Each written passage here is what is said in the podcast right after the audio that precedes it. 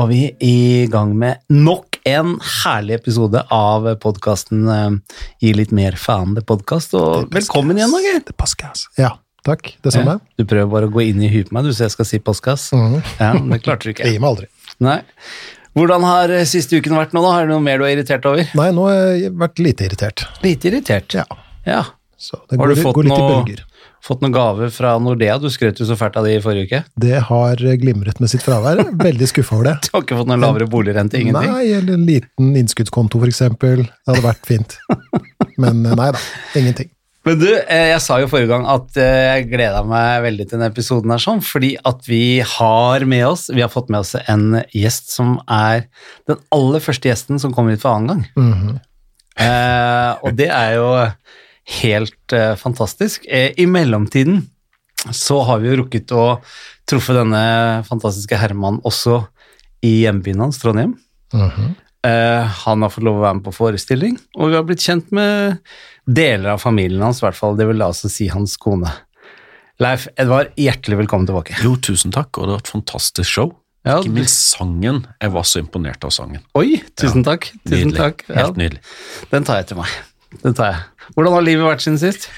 Ah, livet er herlig. Det er det. Ja, det, er det. travelt og herlig. Eh, du, jeg, jeg må jo si, eh, jeg visste jo ikke det før vi møtte deg på den forestillingen, oppe, men din kone er jo også veldig i samme miljø, for, hvis man kan kunne si det. For din kone er også psykolog. Hun er psykolog, ja. Hun er til og med psykologspesialist. Ja, det er jo jeg også. Så Ja. vi er begge to psykologspesialister. Men det var så gøy, for jeg tuller jo litt med det i forestillingen, dette med psykolog og psykologspesialist. Ja, vi lo. Ja, Og vi lo! Å, vi lo! Vi lo! 20 år! Eh, men det var så gøy, for det var måten hun introduserte seg på. Hun Ja. sa 'hei, jeg er psykologspesialist'. Ja, det var det. det var det første hun sa. Ja. Så vi må hilse masse til henne igjen. Det var veldig artig å møte henne. Eller vi kan be henne om å lytte på det her, og så får hun det direkte. på en Det kan du gjøre. Ja. Da hilser jeg direkte til henne her og nå, og takk for eh, en hyggelig kveld. Og at jeg prøvde å verve henne inn i snusens miljø. Men det, det var ikke noe vellykket. Ja, ikke for min del. Nei. uh, Geir, mm -hmm. uh, vi sa jo forrige gang uh, eh, Leif Edvard var her, at eh, dette er jo en, eh, en rockestjerne innenfor eh, psykologiske Hva kaller dere det da? Kaller dere bransjen, eller kaller dere miljø, eller hva kaller dere det? Fagmiljø, kan vi jo si. Hvis vi vil være litt sånn ekstra Fagmiljø? ja. Det hørtes I og utenfor fagmiljøet, vil jeg påstå, da. Ja. Og forrige gang vi var så heldige Jeg, jeg syns jo nesten vi har fått en liten sånn derre husprofessor. Jeg ja, det er det, er det. Du er husprofessor. Fantastisk. Men, Går eh, rett på CV. Ja da. Ja, husprofessor i podkasten. ja, det er bare å skrive opp. Eh, Men, Det er bra. ja, men forrige gang så var jo, eh, var jo husprofessoren eh, invitert hit i egenskap av eh, å, eh, at han vet en god del om evolusjonspsykologi. Det var veldig spennende. Men det han vet aller mest om, Oi, nå er jeg spent. det er personlighetspsykologi. Ja, det, jeg vil si motsatt, men uansett, greit. Vil du det? Jeg er jo professor i personlighetspsykologi, det er jo det som er jobbtittelen. Ja. Men uh, til daglig så er det jo evolusjonspsykologi jeg holder på med, og uh, klinisk psykologi. Men uh, vi underviser jo studentene om personlighetspsykologi, så vi kan godt ta det her som muntlig. Er det noe som heter er upersonlighetspsykologi? Eller Ja, upersonlighetspsykologi. upersonlig psykologi, det er jo det, det, er, når du feiler litt på empatien. er det det? Ja, Men hva er personlighetspsykologi? Hva, hva, hva, hva er, jeg tenker psykolog er psykolog, men det skjønner jeg, det skal man ikke. Altså, Vi har jo sosialpsykologi, og alle de er jo ikke sosiale. Nei. Men eh, de, de studerer jo da grupper og holdninger, sosiale prosesser. Ja. personlighetspsykologene de studerer da hvordan folk er forskjellige fra hverandre. Ah, Det som vi på fint kaller for individuelle forskjeller. ah. Yes. Jeg lærer noe nytt hver episode. Mhm. Det er vel... Men hvorfor har du blitt professor i personlighetspsykologi? Det var vel der det var ledig stilling, og så var jeg heldig og fikk den. Det tror jeg ikke noe på. Jo, det er faktisk helt sant. Og så visste de ikke bedre enn at de faktisk rekrutterte en eh, evolusjonspsykolog. Men evolusjonspsykologer ser jo i stor grad på hvorfor forskjellige arter av forskjellige. Altså det evolusjonsteorien ser på det. Eh, Og evolusjonspsykologien var på det tidspunktet ikke spesielt egnet, syns jeg personlig, til å se på uh, personlighetspsykologi. En annen ting var at de trodde at evolusjonspsykologi og atferdsgenetikk var samme greia. Mm. Så jeg tror én, jeg var litt heldig. To, det var den stillingen som var ledig. Så dobbel dose, flaks. Derfor så ble jeg professor. Ja, og så flaks at de var uvitende, de som skulle ansette også. Jeg elsker det hos eh, folk som ansetter meg. Men er det, noe, er det noe overlapp mellom eh, de to fagfeltene, holdt jeg på å si? Altså evolusjonspsykologien og personlighetspsykologien? Ja, altså nå er det jo i større grad det, fordi gjennom årene så har man prøvd også å se på hvorfor har eh, personlighet utvikla seg. Altså hva er grunnen til at vi har evolvert individuelle forskjeller. Um, og så er det sånn at det er ikke noe hver eh, overlapp mellom eh, personlighetspsykologi og evolusjonspsykologi på den ene sida, men det forventer at det skal være overlapp mellom atferdsgenetikk og evolusjonspsykologi, og det er jo heller ikke i særlig grad. Det finnes kanskje tre-fire mennesker i hele verden som driver med samme.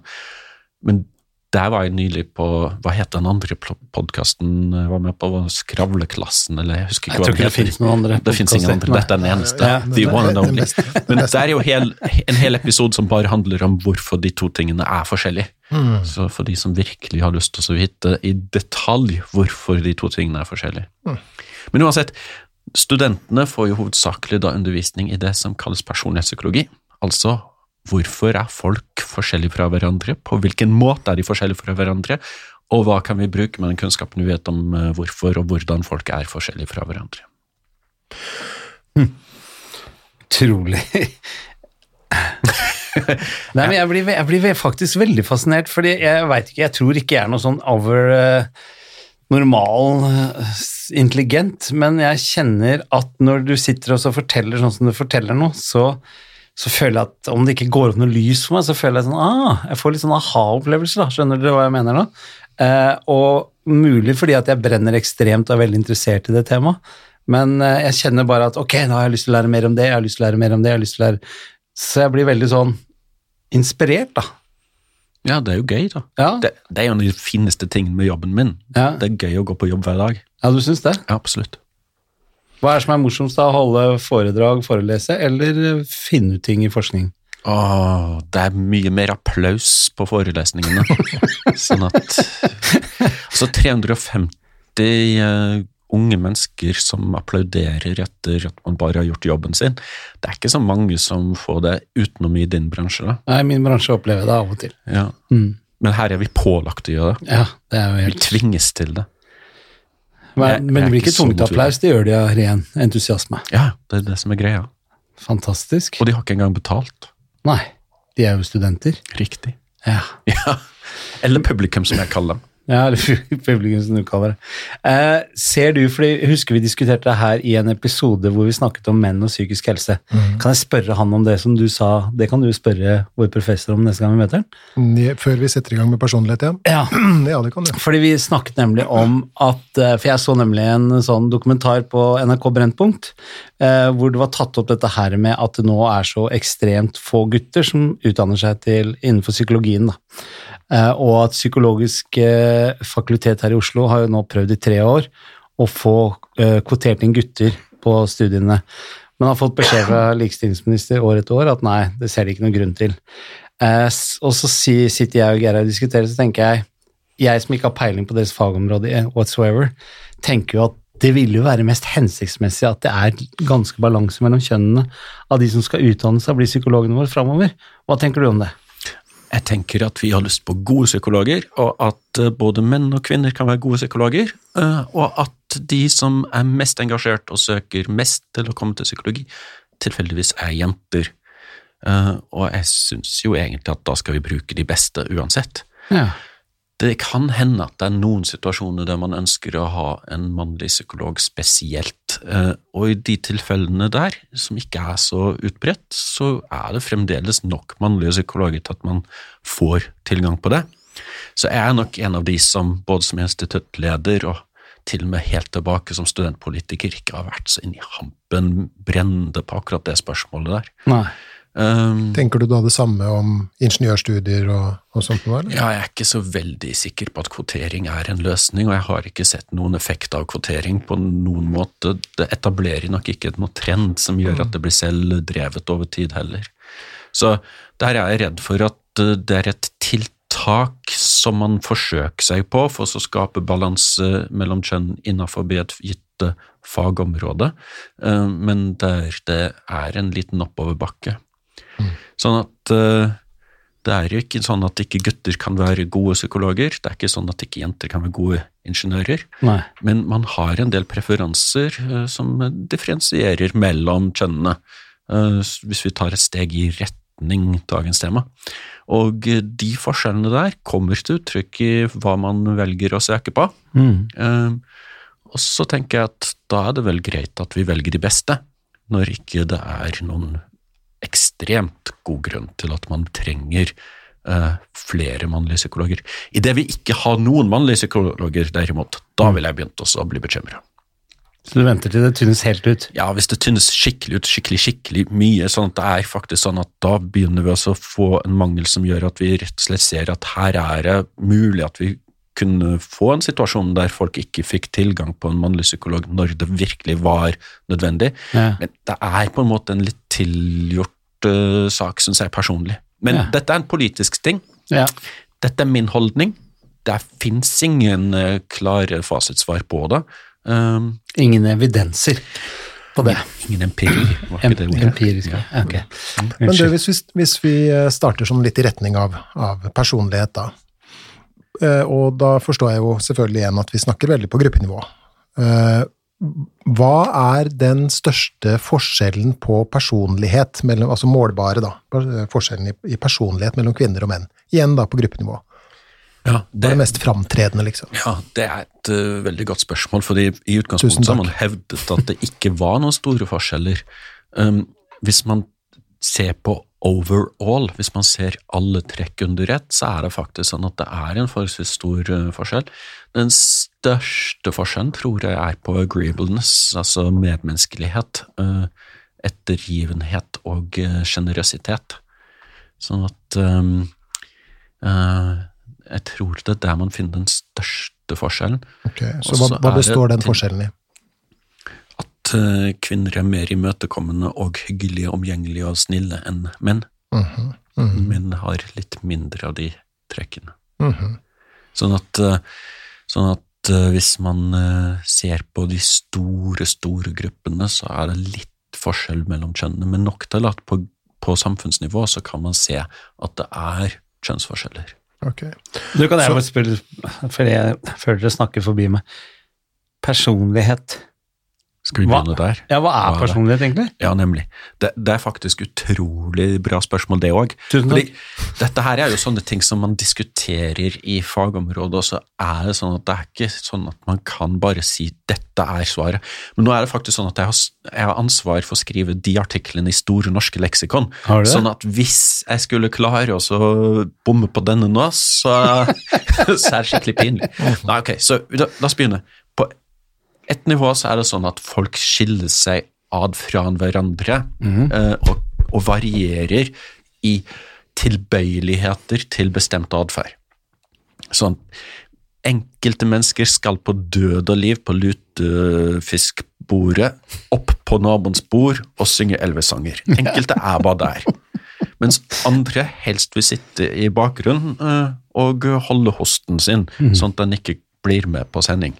Altså det, det er litt forskjeller i ekstrasjon der. Ja. Og så er det forskjeller Her hostes det sakte og ydmykt i bakgrunnen. Ja. Og så er det sånn at disse her tilbøyelighetene til atferd eller til følelser Enkelte har et lystig hva skal vi si, stemningsleie i det store og hele, mens andre er litt mer som, eh, som eselet i Ole Brumm. ja. Um, og så er det sånn at eh, enkelte tenker enkelte tanker, mer sannsynlig, enn andre tenker sine tanker. Så disse her handlings-, følelses-, tankeforskjellene, de varierer fra menneske til menneske. Og så kan vi si at det er på en måte personlighet, de individuelle forskjellene der. En annen måte å definere på er ut ifra de fem hovedtrekkene som man har funnet gjennom å måle personlighet på mange forskjellige måter. Og det er da de fem trekkene. Medmenneskelighet, det er ekstroversjon, det er planmessighet, det er nevrotisisme, og så er det åpenhet for nye opplevelser. Og de fem domenene eller områdene der er på en måte de en måte bjelkene som, eh, vi finner i moderne personlighetspsykologisk testing, og som vi tenker at de fleste Ah, menneskene Det er derfor det heter Big på. Five? Big Five. Ah, Akkurat derfor. ja. Nå skjønner jeg. Og, og enkelt fortalt så kan man si at personlighet kan operasjonaliseres, altså defineres som enten bare at folk er forskjellige i forhold til hva de gjør, tenker og øh, føler, Mm. eller at folk er forskjellige på de fem store trekkene. Men er det da medfødt dere snakker om nå, eller er, det, er, det, er Ja. personlighet noe som er medfødt? Og medfødt er jo et begrep som vi må snakke om i seg selv. Oh, ja. Er pupper medfødt? Er melketenner medfødt? De kommer jo som følge av genetiske forhold, men de er jo ikke present i det man blir født. født. født. Så det som man er født med, er ofte det vi kaller for temperament. Eh, de som har hatt små babyer, vet at noen babyer er litt enklere å ha med å gjøre, og noen er litt vanskeligere å ha med å gjøre. Noen er litt mer Mer, ko skrikete. mer og- koleriske. ja, og det, nå er vi tilbake til middelalderen og, eh, og til og med de gamle grekerne. Eh, Men noen er mer oppfarende og vanskelig å trøste, og noen er eh, lettere å hanskes med. Og det er medfødt. Og da er vi fremdeles inne i det spørsmålet hvor, når er det på en måte blir til. Ja. Men, men personlighet er i svær grad et resultat av miljø mm. og gener. Men de, altså det er som du sier, de gamle, allerede de gamle grekerne hadde jo observasjoner av at det var forskjeller på folk. ikke sant? Og noen var koleriske, altså at de var, eh, var eh, ja, litt sånn som jeg var snakka om i forrige episode. ikke sant? Grinete og, og oppfarende. Og noen var mer sangvinske, ikke sant? tok lett på ting osv. Men du refererer jo til denne femfaktormodellen. Kan du fortelle litt sånn kort, da, eh, hvordan man kom fram til den måten å måle personlighet på, for det er jo den, den mest, i hvert fall den mest presise måten vi har fram til nå, i hvert fall, med å Ja, det er, det er den mest presise, og samtidig er den langt ifra perfekt. Um, men den starter i svær grad som en, uh, som en uh, tradisjon der man prøver også å bruke alle de uh, adjektivene vi har for å beskrive folk, og så prøver man også å redusere de gjennom statistisk analyse til, til hovedgrupper. Og, det, og deri ligger det jo litt sånn um, hva skal vi si, noen valg som forskerne gjør, og noen eh, tilbøyeligheter til å holde fast på fem, selv om det kanskje varierer litt mellom seks og fem og fire i forskjellige kulturer og forskjellige inndelinger.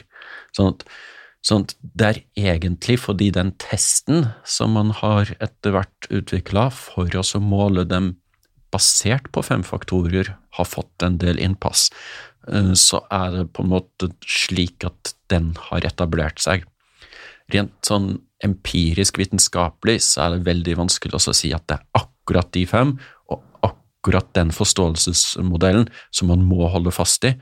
Um, og jeg tenker jo som eh, forsker og litt kritisk til eget fag, at vi kanskje overdriver at det er nøyaktig fem, og at det må være de fem.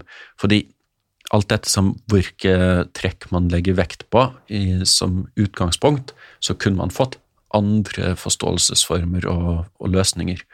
Men det viktige når man skal drive med personlighetspsykologi, er at man klarer også å måle det for å kunne predikere fremtidig atferd. Sånn hvis hvis jeg tester Tommy nå, så skal jeg ha et resultat som gjør at jeg skjønner bedre og klarer å forutse bedre hvordan han kommer til å oppføre seg i fremtiden, enn om at jeg ikke hadde testa han. Mm.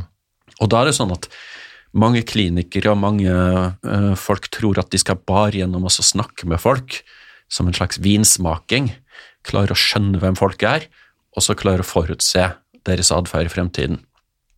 Og det er øh, så som så. Mye forskning har vist at det er veldig dårlig. Så disse testene skal prøve å forutse fremtidig atferd så godt som mulig, eh, og bli mindre eh, hva skal vi si, krevende enn å bruke så mye tid på å bli kjent med folk at man klarer å forutse deres atferd. Mhm. Eh, For okay, det jeg skulle spørre om, for hva, hva kan man bruke til hvis du sier at du, du i større grad som psykolog for eksempel, da, ved å ta en sånn test av meg som kommer til deg som pasient, så, vil, så kan du bruke mindre tid på å finne ut av hvordan jeg er? Ja, ja rent sånn Altså, det fins noen sånne kliniske tester, Ja. enkelte personlighetstester som har et mer klinisk perspektiv. Mm. Um, og jeg er på en måte litt lunken i forhold til mesteparten av dem. Ja. Én av ti i veldig liten grad forteller meg så mye om de konkrete diagnostiske tingene som jeg ønsker å ha svar på. Fordi i helsevesenet så tenker jo jeg, og dette er et litt radikalt perspektiv, Ja. sånn historisk sett, som mener at det vi skal gjøre er å finne ut hvilke helseproblemer du har, og så prøve å løse Ja. effektivt med empiri, som, altså med et utgangspunkt i forskning som vi gjør at vi antar at dette kommer til å virke. Um, I gode gamle dager så handlet det jo langt mer om å prøve å endre personligheten til folk, Ja. så jeg skjønner jo at det var litt mer fokus på det, på det før. Egentlig så er det vel ansettelsesøyemed, personellseleksjon og ledelsesseleksjon, at Ah. man bruker tester i svær grad nå, kanskje også innen militæret, for å se om folk duger til å bli sendt til utlandet. Jeg har, en, jeg har en historie om det i sånn klinisk sammenheng, dette med personlighetstesting og den femfaktormodellen. Jeg Mm. hadde en, en klient en gang som det er vel mange år siden, og som alltid hadde følt seg veldig annerledes enn familien sin, og, og brukte mye tid på grunne på, på det. Mm. Eh, og eh, da vi eh, gikk gjennom hennes eh, profil, så, så fikk hun se svart på hvitt at hun scora veldig mye, altså scora høyt over på den mer sånn introverte sida. da. Og for hun så ble det fundamentet for en slags sånn forståelse av seg selv. Hvordan hun um, At hun kunne hva skal vi si, komme til en slags fred med at ja, hun var annerledes. For hun, hun, var, hun vokste opp i en ekstremt ekstrovert familie. Som var glad i, i fest og moro og det ene med det andre. og og huset var alltid fullt og fullt av liv. og Jeg ser for meg nesten sånn Fanny og Alexander-scene, Mm. eh, hvor hun satt nærmest som en sånn Harry Potter under trappa og leste bøker. ikke sant? Eh, Og fikk alltid høre da av sin familie at hun var annerledes. og, sånt. Så det var, det var en god ting for hun å få innblikk i det. Harry Hun Potter satt jo under trappa for den var innelåst av Ja, den forferdelige stefaren sin. sånn at eh, jeg vil si, hun satt jo der med frivillig, da. Ja. Det skal sies. Det skal sies. Det hadde kanskje gått fortere hvis hun hadde tatt en DNA-test istedenfor sånn personlighetstest. Jeg tror kanskje ikke DNA-testen ville vist akkurat det. Nei, men at hun kanskje hørte til en annen familie, det var det jeg tenkte. Ikke sant? Ja, når man er så forskjellig. Men du, når du snakker om personlighet, er, er det Uten å være, for, snakke for mye om meg sjøl, går det an å forandre personlighet, eller? Ja, altså, jeg tenker at en av de tingene som eh, de studentene som kommer til meg med det spørsmålet ønsker å få endra på, er jo planmessighetsscoren sin. Ja. Altså, de føler at de er litt eh, dårlige på å jobbe, og eh, jobbe systematisk. Ja. Og så prøver jeg å være morsom og så si at jo, altså, du kan sikkert endre personligheten, men det krever nok veldig systematisk jobbing. Uh, altså, altså, det, som er, det som er problemet, er én. Vi vet ikke hvilken oppdragelse som gir en eventuell uh, personlighet. Faktisk, mest sannsynlig så er det sånn at oppdragelse har ingenting å si. Effekten av å vokse opp i samme familie er nemlig helt null. Altså, det er ikke engang litt effekt av det. Um, en av eh, I 2004 der omkring så hadde vi et eh, foredrag om gener og syke for, eh, for Psykologforeningen her i Oslo. Ja. Og en av nestorene i personlighetspsykologien i Norge, Sven Torgersen, holdt et innlegg, og jeg fikk beskjed om å sette meg på hendene mine, fordi han sa at han kunne gi psykologene, for han visste at de likte det, 5% effekt av å vokse opp i samme familie. Men det er jo ikke egentlig sant, det er jo null. Så, så ca. 30-50 av variasjonen i personlighet på gruppenivå eh, skyldes gener, og ca. 50-70% skyldes miljø, men da det tilfeldige miljøet utafor familien som vi ikke engang vet hva vi skal kalle eller sette ord på. Nei. Egentlig så kan man si at det er bare tilfeldighet. Ja. Altså ut ifra det vi kan i dag. Um, ikke genetiske faktorer eller tilfeldighet. Jeg mener, for, altså Foreldrene dine har jo brukt hva da, Hvis du har eh, normalt oppegående foreldre, da, så har jo foreldrene dine brukt i hvert fall 18 år på å forsøke å forandre din planmessighet, f.eks. gjennom å kjefte på deg ca. en halv time per dag. ikke sant? Og hvor, at du må rydde rommet ditt og ta deg sammen og gjøre leksene dine osv., og, så og så er det ikke så veldig mange som kommer veldig langt. Snakker litt av erfaring. Ja, altså, det, det er jo en av de fascinerende tingene. Man ønsker at barna skal bli sånn og sånn og sånn og sånn. og jeg, prøvde meg på å være morsom om akkurat dette temaet på, på Hjernevask med Harald Eia for noen år siden, og jeg sa i en av episodene at eh, de som virkelig ønsker å forme barna sine på den måten der, de burde heller skaffe seg hund. Og da var det noen som misforsto og trodde at hund var et effektivt oppdragelsesverktøy. Jeg mente da at hvis de ønsket også å oppdra folk på den shaping-måten, så for, Oppdra en kunne de hund heller oppdra en hund. Ja. Ja. Men jeg bare det- forklarer vitsene, sånn at det ikke skal gå hus forbi her. Det er to typer idioter. Det er dem som forteller dårlige vitser, Og de som den forklarer, som forklarer. nemlig. Ja. Jeg har hørt den. Ja. Men er det, er det da sånn at personlighet er relativt stabilt uh, livet igjennom? Altså, hva, hva vet man om det? Ja, altså, Når du bruker ordet relativt, så er det fantastisk fint, fordi det er et sånt ord som vi bruker kontinuerlig i personlighetspsykologien. For eksempel, trekkene er relativt stabile. Det betyr de går litt opp, og de går litt ned.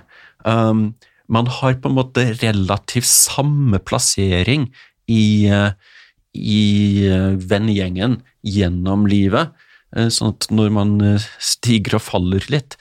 Men det er en utvikling av noen av trekkene i livsløp. Men der er det mye forskning som spriker i mange forskjellige retninger.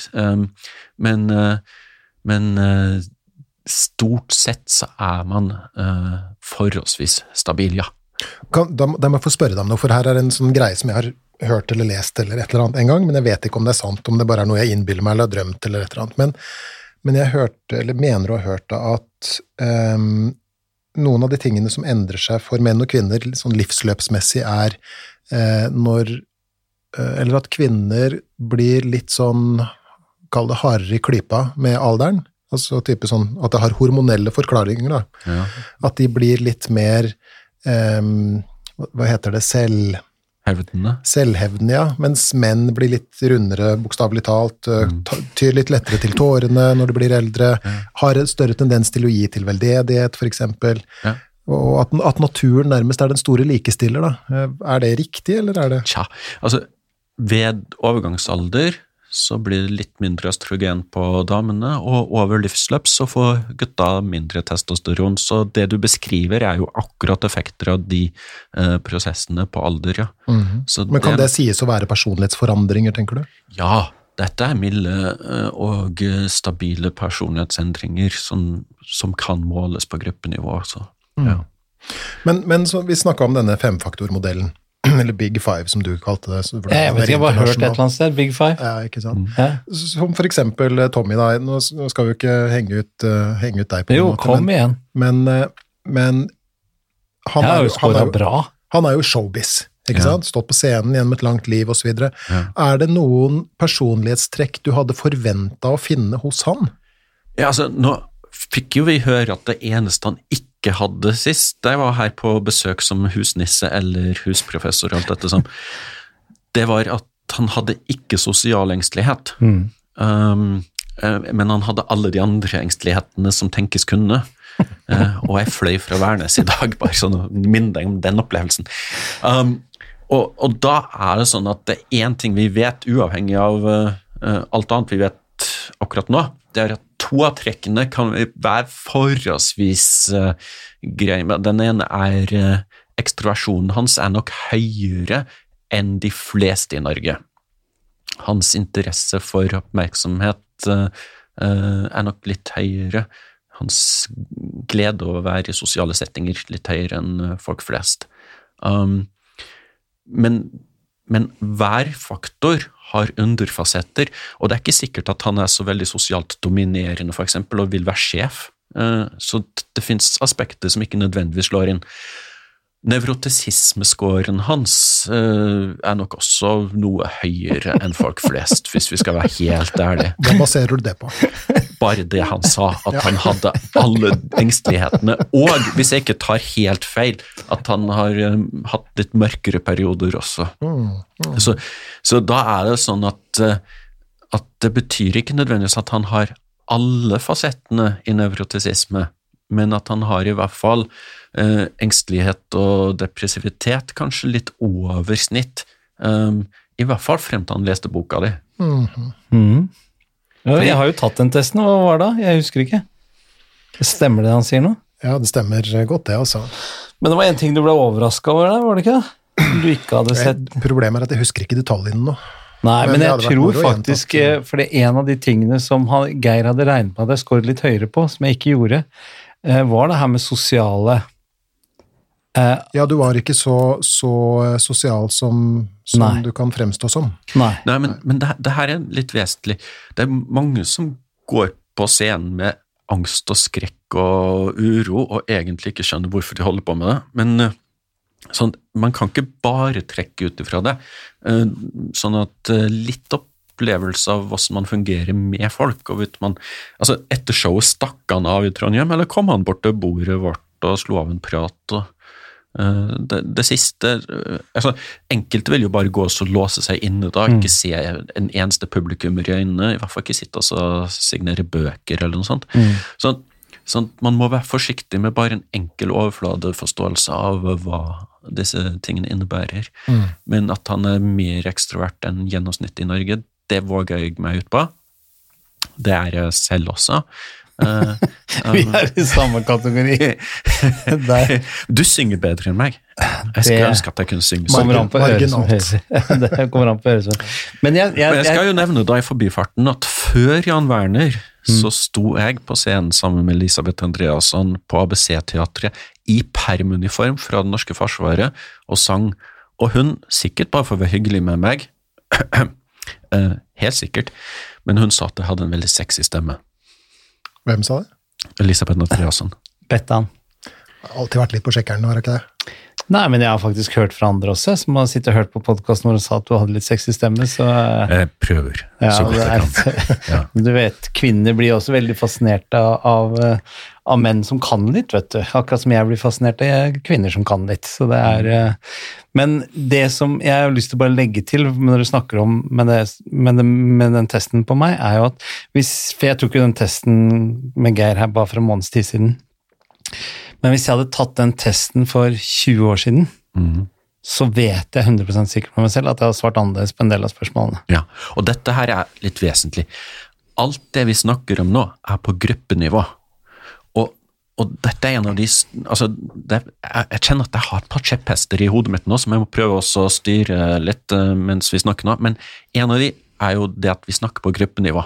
Eh, og når man tar en sånn test, så har den en viss treffsikkerhet på individer. På den på bakgrunn av at de er like eller ulike gruppene som de på en måte skal representere. Um, og så er det sånn at når man går på en smell, så øker nevrotisismeskåren. Og man får innsikter i måter man er på som man ikke ville ha trodd var mulig før man gikk på smellen. Og akkurat nå så jobber vi med et uh, paper eh, der jeg uten også å gå i detalj kan si at vi har funnet at den metakognitive terapien vår for generalisert angst virker veldig positivt og normaliserende på personlighet. Mm. Sånn at, sånn at man kan på en måte uh, endre seg i en, eh, hva skal vi si, uh, negativ retning med nevrotisisme på bakgrunn av å gå på veggen, gå på en smell, ha noen eh, kjipe episoder og perioder. Og så kan man med effektiv behandling for akkurat det selvsamme problemet eh, få normalisert den scoren også. Ja, for det vil jeg faktisk understreke til dere to eh, proffe gutter sånn, at det metakognitive, som vi også har hatt en hel episode om, har uten tvil fått ned mitt bekymringsnivå. Nemlig. Så det å faktisk kunne gi litt faen, Ja. eh, og kanskje litt mer faen, eh, enn når man ikke klarte å gi faen i det hele tatt, Ja. eh, er jo en og Nå må jeg banne litt for Ja. å understreke det. Jævlig viktig ting Ja. i forhold til å dempe ned det nevrotiske. Fordi det å ikke klare å slippe noe altså Hver eneste bekymringsball som spilles opp, skal, eh, skal sjongleres resten av dagen. Eh, Det er en nokså voldsom situasjon å være i. Det å klare å slippe de ned. Så her er greia. Høy nevrotisisme predikerer at man går på en smell, predikerer at man har depressive episoder, predikerer gad, engstelighet, psykisk Og, lidelse. og der scorer kvinner høyere enn menn på gruppenivå, gjør det ikke det? Nemlig. Og vi har jo da også det faktum at kvinner har mer depresjon og mer generalisert angst. Det er forholdsvis likt på kjønna på, på sosial angst, eksempel. Mm, Men mm. på bekymringsangst og depresjon, grubling og bekymring, der er kvinner litt flinkere enn menn. Mm. Så når man spør meg, hadde det ikke vært bedre om menn var litt mer som kvinner følelsesmessig, så tenker jeg ofte at det er lurt også å reflektere over akkurat det. Er det egentlig det? Fordi menn er jo mye flinkere på sånne mer, hva skal vi si, positiv affekt-greier. Eh, Men også sinne, for så vidt. Men, men kvinner driver og grubler og bekymrer mer. Og så er spørsmålet, er det alltid så bra det, da? Ja. Mm. Jeg må si jeg, må si jeg er litt sånn overraska nå, for det, det som jeg har, har lært, da, er jo at, at personlighet er veldig sånn fiksert, og at eh, igjen da i livsperspektiv så er det lite som endrer seg osv. Men jeg må jo si at jeg også har tenkt på, eh, tenkt på eh, dette med mm, den metakognitive tilnærminga, blant annet dette det er et sånt, eh, en fasett som heter noe med selvbevissthet, eller noe, Mm. noe sånt noe. Eh, og, og la oss si at du er litt sosialt engstelig og selvbevisst, Mm. eh, og så får du Litt som du snakker om det, Tommy, en, en innsikt i de mekanismene som er i sving osv., så, videre, så kan jeg jo ikke forstå annet enn at det vil endre seg. Ja. Ergo så, vil, jo, vil jo personlighet være noe som faktisk er påvirkbart gjennom livet. Og det hørte du jo på, det, for det mitt siste, mitt siste sluttpoeng i forestillingen er jo at det sammenbruddet som jeg da hadde høsten 2017 som det er tuftet på, opplever jeg jo ikke som et sammenbrudd lenger, men et gjennombrudd. Ja. Og, og det tenker jeg, det er, det er jo den reformuleringa som er grei å komme med i en situasjon der du føler at kontrollen på situasjonen er økt. Men du ville jo ikke sagt det akkurat mens det sto på som vær. Nei. Det ville vært en forholdsvis underlig og lite troverdig ting. Wow, dette var bra! Fy faen, for et gjennombrudd jeg har hatt nå. Jeg kjenner bare nevrotisismen min stiger. Så, så det, det er noe med at det er noe med at vi eh, Vi nok overselger til en viss grad hvor stabil personlighet er, men det er fordi vi må forske på gruppenivå. Og det er jo en av de første misforståelsene som man må på en måte avklare, det er det at um, personlighet er så spikra. Men det er likevel stabilt nok til at vi kan forske på det. Og det er en stor diskusjon i personlighetspsykologien gjennom årene. Er det sånn at uh, man er seg selv lik på tvers av situasjoner? I så fall så har man en personlighet. Eller er det sånn at sterke situasjoner påvirker alle? Sånn at I en begravelse så vil de fleste være litt mer nedpå. Uh, på en fest så vil de fleste være litt oppe. Oppe. Ja. Men noen er litt mindre nedpå på begravelse og svært mye høyere oppe på fest. Mm. Uh, og det er der man da spør er det her stabilitet på tvers av situasjoner. Er den viktig? Kan vi forklare mest med situasjon, eller mest med, med trekk? Og det neste er Vi sier at personligheten stabiliserer seg rundt år eh, 30. Men det betyr at man sier at den har, vært, den har vært forholdsvis i fluks frem til da. Mm. Eh, og så endrer den seg litt gjennom livsløpet, og kanskje, uh, hvis man har en livspartner, så blir man litt likere den personen, Um, men det er litt sånn uklart uh, hvordan det endrer seg. Men større opplevelser i livet kan komme til å påvirke, som eksempel mer eh, mer nevrotisisme som følge av at man går på en smell. I hvert fall i perioden rett etter. Men det er jo, det er Men du jo gutter, får jeg bare lov å avbryte dere her litt? For jeg, for jeg ser, jeg må bare spørre jeg, du, Det er ikke noe sånn at du har bråhast nå? Du har litt tid til? Jeg kan sitte i timevis. I timevis, altså. For jeg bare tenker, kunne vi, kunne vi bare gjort for jeg, Det her må bli to deler, Geir. Jeg har mange, mange mer ting jeg har lyst til å spørre om. ja, ja, tenker du det? Ja, Eller Er det- skal vi bare Vi bare runder av nå, og så er det del én, og så lager vi en del to også. Ok. ok, Når den første er her. Ja, greit. Og det er greit for deg også? Ja, eller? selvfølgelig. Ja. Så da runder vi av denne podkasten del én. Eh, Den Leffa spesial heter denne episoden. Stakkars, stakkars mann. Nei Ikke plag husprofessoren vår. profess, nei, huspsykolog. Herr professor. Herr, herr professor. Ja. Eh, professor spesial huspsykolog episode del 1 mm. eh, runder vi av. Og, men vi må allikevel runde med å si at du som sitter og hører på dette, er sånn, som eh, vil at vi skal fortsette å lage sånn podkast, du må hjelpe oss med å dele, like, anbefale til det store og brede landet vårt. Sånn at flest mulig hører på oss, for da kan vi fortsette å lage bredt, egentlig, men ok. Jo, det er ganske bredt Det er på det breiste. Det er langt. Ja, langt, ja. Ok. Ja, det var ikke det som var poenget. Det poenget var at det, brede folk Altså, ja. Ja. I det vide og det brede var vel egentlig ordtaket jeg leita etter. Mhm. eh, og hvis folk ønsker å kontakte oss, Geir, så skal de Da skal de oppsøke oss på en eh, e-postadresse. ja, oppsøke. Ja. Ja, og den en e-postadressen er Det er gi litt mer f Ja. at gmail.com. Ja. Gi litt mer f krabbelsnøll. Uh, punktum kom. ja. Og vi er på Facebook, og vi er på Insta. Mm. For både showet og boka. For gi både litt mer faen. Hvordan gi litt mer faen? Hjertelig velkommen hvis du ser at den forestillingen av dette her er i nærheten av deg. Eh, tusen Og- takk for i dag. Og lik og del, vær så snill. Ja, lik og del, lik og del, lik og del. Nå har vi sagt det mange ganger. Og stjern. Og så må vi takke eh, professoren for episode én. Jo, tusen takk. Eh, vi gleder oss til å ha deg med i neste episode også. Herlig, herlig. Takk for i dag. Takk for det.